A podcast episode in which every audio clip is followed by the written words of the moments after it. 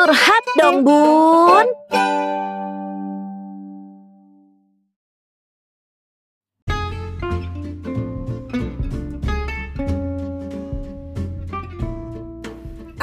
Assalamualaikum warahmatullahi wabarakatuh. Hai bun, curhat dong bun. Podcast tempat curhat Para bunda. Asik. Kan udah kayak itu, 21 Oh ya Dung ding ding ding. Ding dong, ding dong.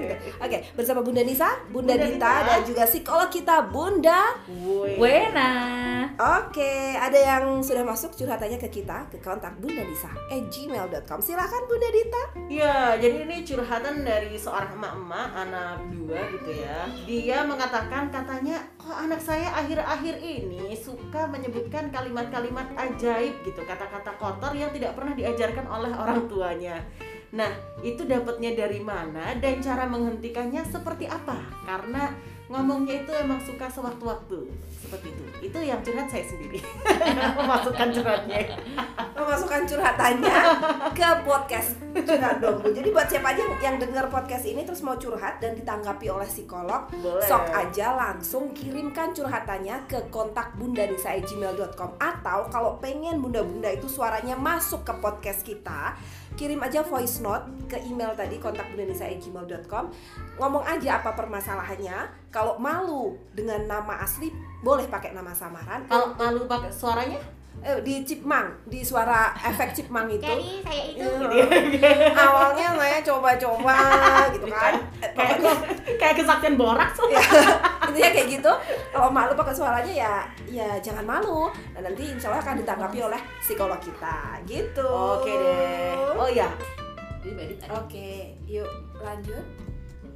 Iya tadi kita jeda sebentar ya bun karena harus nenenin gitu Azan juga. dan azan juga jadi ayo gimana bunda? Dita dan Bunda Wena tadi? Nah gitu tuh gimana tuh? Kalau anak tuh tiba-tiba suka ngomongin kata-kata yang ini kasusnya di anakku ya dia suka tiba-tiba ngomong kentut kentut kentut. Nah, gitu gitu. Kan tapi itu ya, enggak kata-kata Bun. kotor sebenarnya? iya tapi kan kan, itu kentut itu kata-kata sebuah kata yang eh, alamiah eh pengetahuan umum sebenarnya. pengetahuan Iya. umum kan? Apa istilahnya kentut yang halus yang sopan coba? Buang air. Eh buang buang, gas angin, buang angin gas, ya. Buang tapi yang bahasa anak kecil buang angin buang angin gak cocok juga ya. Tapi kentut menurutku itu bukan kosakata kotor sih. Iya Iya, tapi, ini tidak pada tempatnya. maksud- oke. Heeh. maksudnya kan eh, apa keluhan kayak gini kan nggak cuma dialami Mbak Dita juga ya. Eh, kata-kata kotor di anak-anak dan ibu-ibu yang lainnya juga banyak yang mengalami kayak gitu. Terus ada pertanyaan lagi tadi Mbak Dita sempat singgung dan banyak ibu-ibu yang singgung perasaan di rumah nggak diajarin deh? Terus dapetnya dari mana Iya, ya pada dasarnya memang orang tua nggak ada ya yang ngajarin anaknya eh, ngomong kotor. Ah, apa?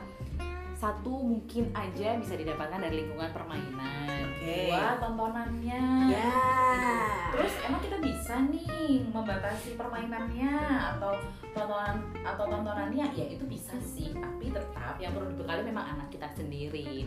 Nah sebelum ngebekalin anak kita bisa berproses juga dengan diri kita saat menyikapi anak kita waktu ngomong kotor itu.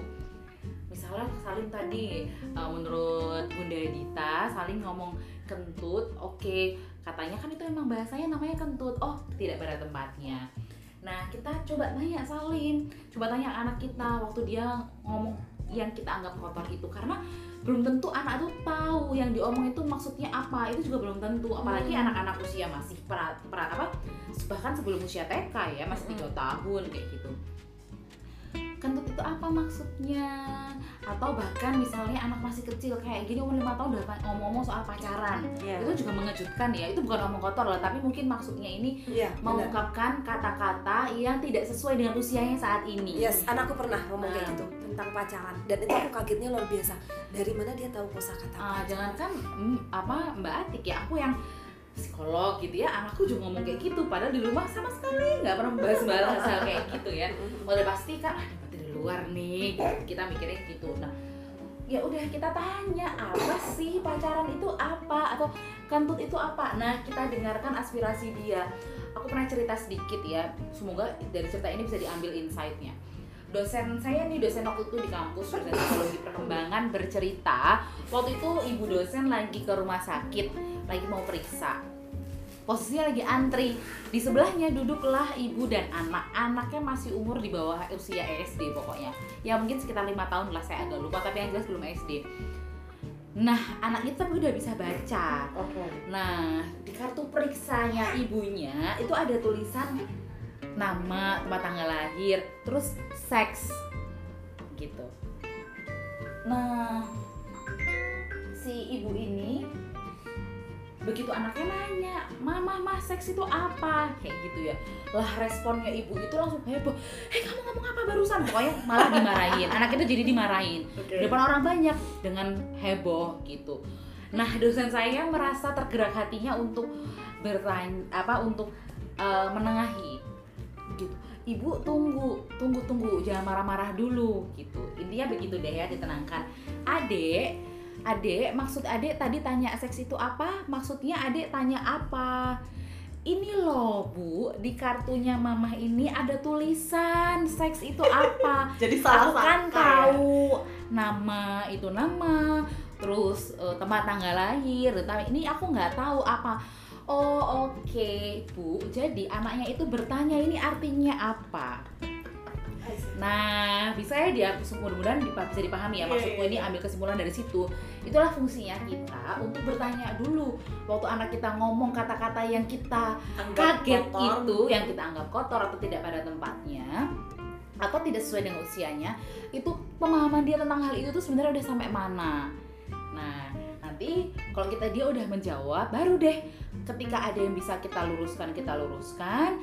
Kemudian kalau kita ingin menyudahi anak kita untuk ngomong-ngomong itu terus ya kita bisa terapkan eh, yang namanya istilahnya token ekonomi. Itu tadi ya. Apa itu? Bersepakat sama anak kita dulu. Tapi kalau itu eh, sudah sangat levelnya tuh sangat sering diucapkan atau mengganggu, tapi kalau cuma suatu waktu kita cukup pahamkan. Oke, besok lagi ngomongin yang lain ya. Kalau ngomong soal kentut itu, kalau pas ada orang lagi kentut aja, ih kok bau kentut ya, itu oke. Tapi kalau eh, nggak ada orang kentut tiba-tiba ngomong kentut, ya nggak usah ngomong kentut. Nah, Oke. kita cukup sudah sampai di situ. Tapi kalau udah saya itu kalau sampai parah banget, sangat mengganggu, sering sekali diulang-ulang dan usianya setidaknya sudah lima tahun mau dihilangkan anak itu dari ngomong-ngomong kayak gitu itu kita bisa pakai token ekonomi itu tadi. Kita bersepakat mama nggak kepengen deh adik ngomong kentut-kentut lagi sedikit-sedikit ngomong kentut sedikit-sedikit ngomong kentut. Itu kurang itu nggak baik gitu. Karena orang nggak ada orang kentut kok ngomongnya kentut-kentut terus? Kan itu nggak baik. gitu ya. misalnya kayak gitu. Eh, yuk. Nanti mama kasih stiker kalau adik dalam satu hari nggak ada ngomong kentut kecuali memang lagi ada bau kentut dan bertanya kok bau kentut sih? Mama kasih stiker satu kita kumpulin yuk sampai 7 misalnya satu minggu ya atau 10 gitu. Nanti kalau udah 10 dapat 10 stiker boleh minta apa aja. Paling suka apa? Nanti bersepakat itu namanya token ekonomi. Tapi itu tadi kalau udah levelnya benar-benar Udah sangat parah mengganggu banget ya. parah dan memang harus diperbaiki dan setidaknya usianya sudah lima tahun. Kalau masih tiga tahun? dikasih pemahaman kayak gitu aja. Kita- Oh, ditanyain oke. lagi ditanyain lagi gitu. Eh, kalau mau dicoba untuk token ekonomi boleh dicoba juga gitu. Tapi mungkin kita eh, ekspektasi kita yang disesuaikan aja. Begitu itulah kalau soal ngomong kotor jadi nggak perlu buru-buru bereaksi aduh ngomong apa ini malah jadi dimarahin. Padahal Padahal mungkin anak anaknya nggak ngerti juga ya. tahu. iya maknanya termasuk apa. kalau kayak ngomong pacaran-pacaran itu? Betul. Juga Ya, kita gitu juga aja. tanya Nah itu taunya dari mana tuh Bunda Nisa akhirnya? eh, nggak nggak tahu bunda. Aku tuh tau intinya gini eh, dia bilang ma ada temenku yang bilang I love you sama kakak. Iya. gitu. Terus kakak bilang apa? Ya aku malu lah terus aku pergi. Pokoknya masnya itu kalau ngedeketin aku aku pasti ngejauh. Gitu karena Hmm. ketakutan gitu. Maksudnya malu dan ketakutan. Padahal memang masnya ini baik sama Nisa. Misal kayak anakku itu eh, telat gitu dia akan di depan pintu terus mau gandeng anakku untuk masuk. Cuma karena dia udah declare I love you di depan teman-temannya akhirnya kalau masnya itu datang tuh mau ganteng anakku anakku nggak mau. Dilempar gitu loh tangannya nggak mau gitu karena malu gitu kan. Terus eh, apa namanya eh, di di tempat ngaji ditanya kan sama temannya mah tadi aku tempat ngaji ditanya ditanya sama siapa? Ditanya sama mbak ini ditanya apa? "Eh, Nisa kamu udah punya pacar? Udah udah aku udah punya pacar dulu pas TK tapi karena aku nggak suka ya udah sekarang aku udah nggak pacaran lagi sama dia. Dia jawab kayak gitu kan aku jadi kayak rada shock ya ini padahal nggak ada nggak ada apa-apa gitu kok ini kok bisa punya kosakata pacaran. Kakak tahu dari mana pacaran itu? Ya itu mah yang laki-laki perempuan itu kan namanya pacaran. Maksudnya laki-laki perempuan deket itu kan namanya pacaran. Kakak tahu dari mana? Ya nggak tahu ya teman-teman ngomongnya gitu gitu. Berarti dari temennya ya?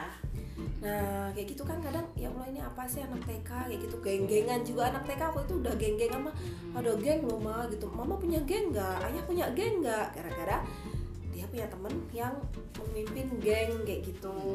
Jadi kan ya udah cuma aku tangkepinnya secara proporsional aja nggak boleh ya kak namanya pacaran itu nggak boleh apalagi kakak masih kecil. Itu yang penting belajar. Kalau temenan ya sama siapa aja sama laki-laki sama perempuan boleh. Asal nggak pegang-pegang eh, yang nggak boleh dipegang apa aja. Seperti yang diajarkan ustazah kan nggak boleh kan ada beberapa bagian tubuh yang nggak boleh dipegang. Itu yang penting nggak pegang-pegang itu ya udah udah bagus penjelasannya kayak gitu ditanya dulu eh, maksudnya apa ngomong pacaran tuh apa sih gitu. Terus kalau ada eh, kata-kata oh ya dua orang laki-laki sama perempuan. Oh iya berteman aja. Ya nggak apa-apa itu yang ditekan-tekankan seperti itu. Ya udah bener aja sesuai usianya dia itu kayak gitu. Ah, udah betul besok ya anak anda Ayo, nanti akan menemui itu juga. Oh my God. baik.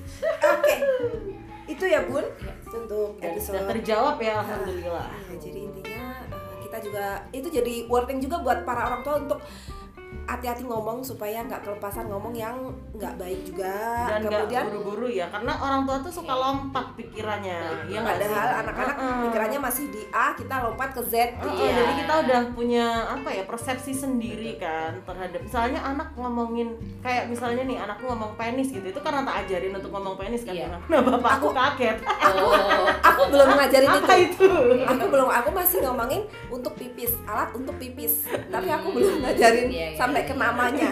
Aku masih takut ya. ya Penisnya mungkin next belum, bahas soal training ya gitu. heeh, Benar, benar. Asli bapakku sih hah apa Oke oke oke. Menarik kayaknya itu harus dibahas juga. Karena episode sebelumnya kita ngomong pornografi pada anak. Oh itu ngeri lagi itu. Bo- Kayaknya besok kita ulang lagi pornografi Boleh. pada anak tapi pakai psikolog. psikolog, Oke. ya. Oh, saya nambahin satu lagi ya. Nah, di luar itu kita juga perlu melihat hal positif eh, saat anak kita kemudian mengucapkan kosakata baru yang tidak pernah kita ajarkan. Hal positifnya apa? Oh oke, dia malah dia saat ini sedang mengalami perkembangan berbahasa kan? Itu kan kosakata oh iya baru.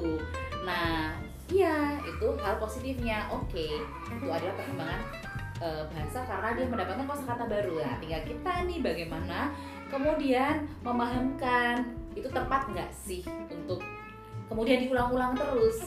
Gitu. Kan itu nanti kalau ketika kita mampu untuk mem- me- apa ya memahamkan pemaknaan ya perbendaharaan kata dia kan semakin banyak jatuhnya. Jadi kita nggak bisa juga dong batasin anak kita bereksplorasi dengan kata-kata. Ya. lah emang kita bisa setiap dia main keluar kita ngikutin? Benar. Nggak Sama juga pengaruh YouTube sih.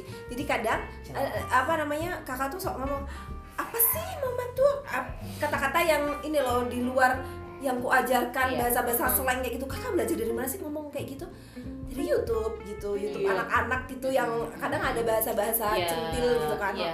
nah kayak itu juga kita harus kayaknya awasi juga kali ya nggak nggak sembarangan YouTube ngelepas juga harus difilter juga sih Iya. kalau aku sih pakai YouTube anak cuma tetap aja meskipun YouTube, YouTube, Kids tuh juga Iya. tetap ada ini apa itu permainan LOL kayak gitu gitu Iya, kan? Oh Aduh. Oke oke oke itu aja bun Untuk Eh, episode kali ini ya. ini. Mudah-mudahan bermanfaat dan kita bisa menjadi contoh teladan bagi anak-anak amin dalam ucapan, dalam perilaku dan dalam segalanya. luar biasa Aku tuh lagi ini kakak Jill tau gak sih yang di TikTok itu? Sepuluh gelombang kanan, ah, sepuluh gelombang kiri. Ya ampun kok bisa laku banget itu kakak Jill. Baik adik-adik kakak Jill. Sampai jumpa di podcast berikutnya di Curhat Dong Bun episode berikutnya. Saya Bunda Nisa, saya Bunda Dita, dan Wena. Pamit undur diri. Wassalamualaikum warahmatullahi wabarakatuh.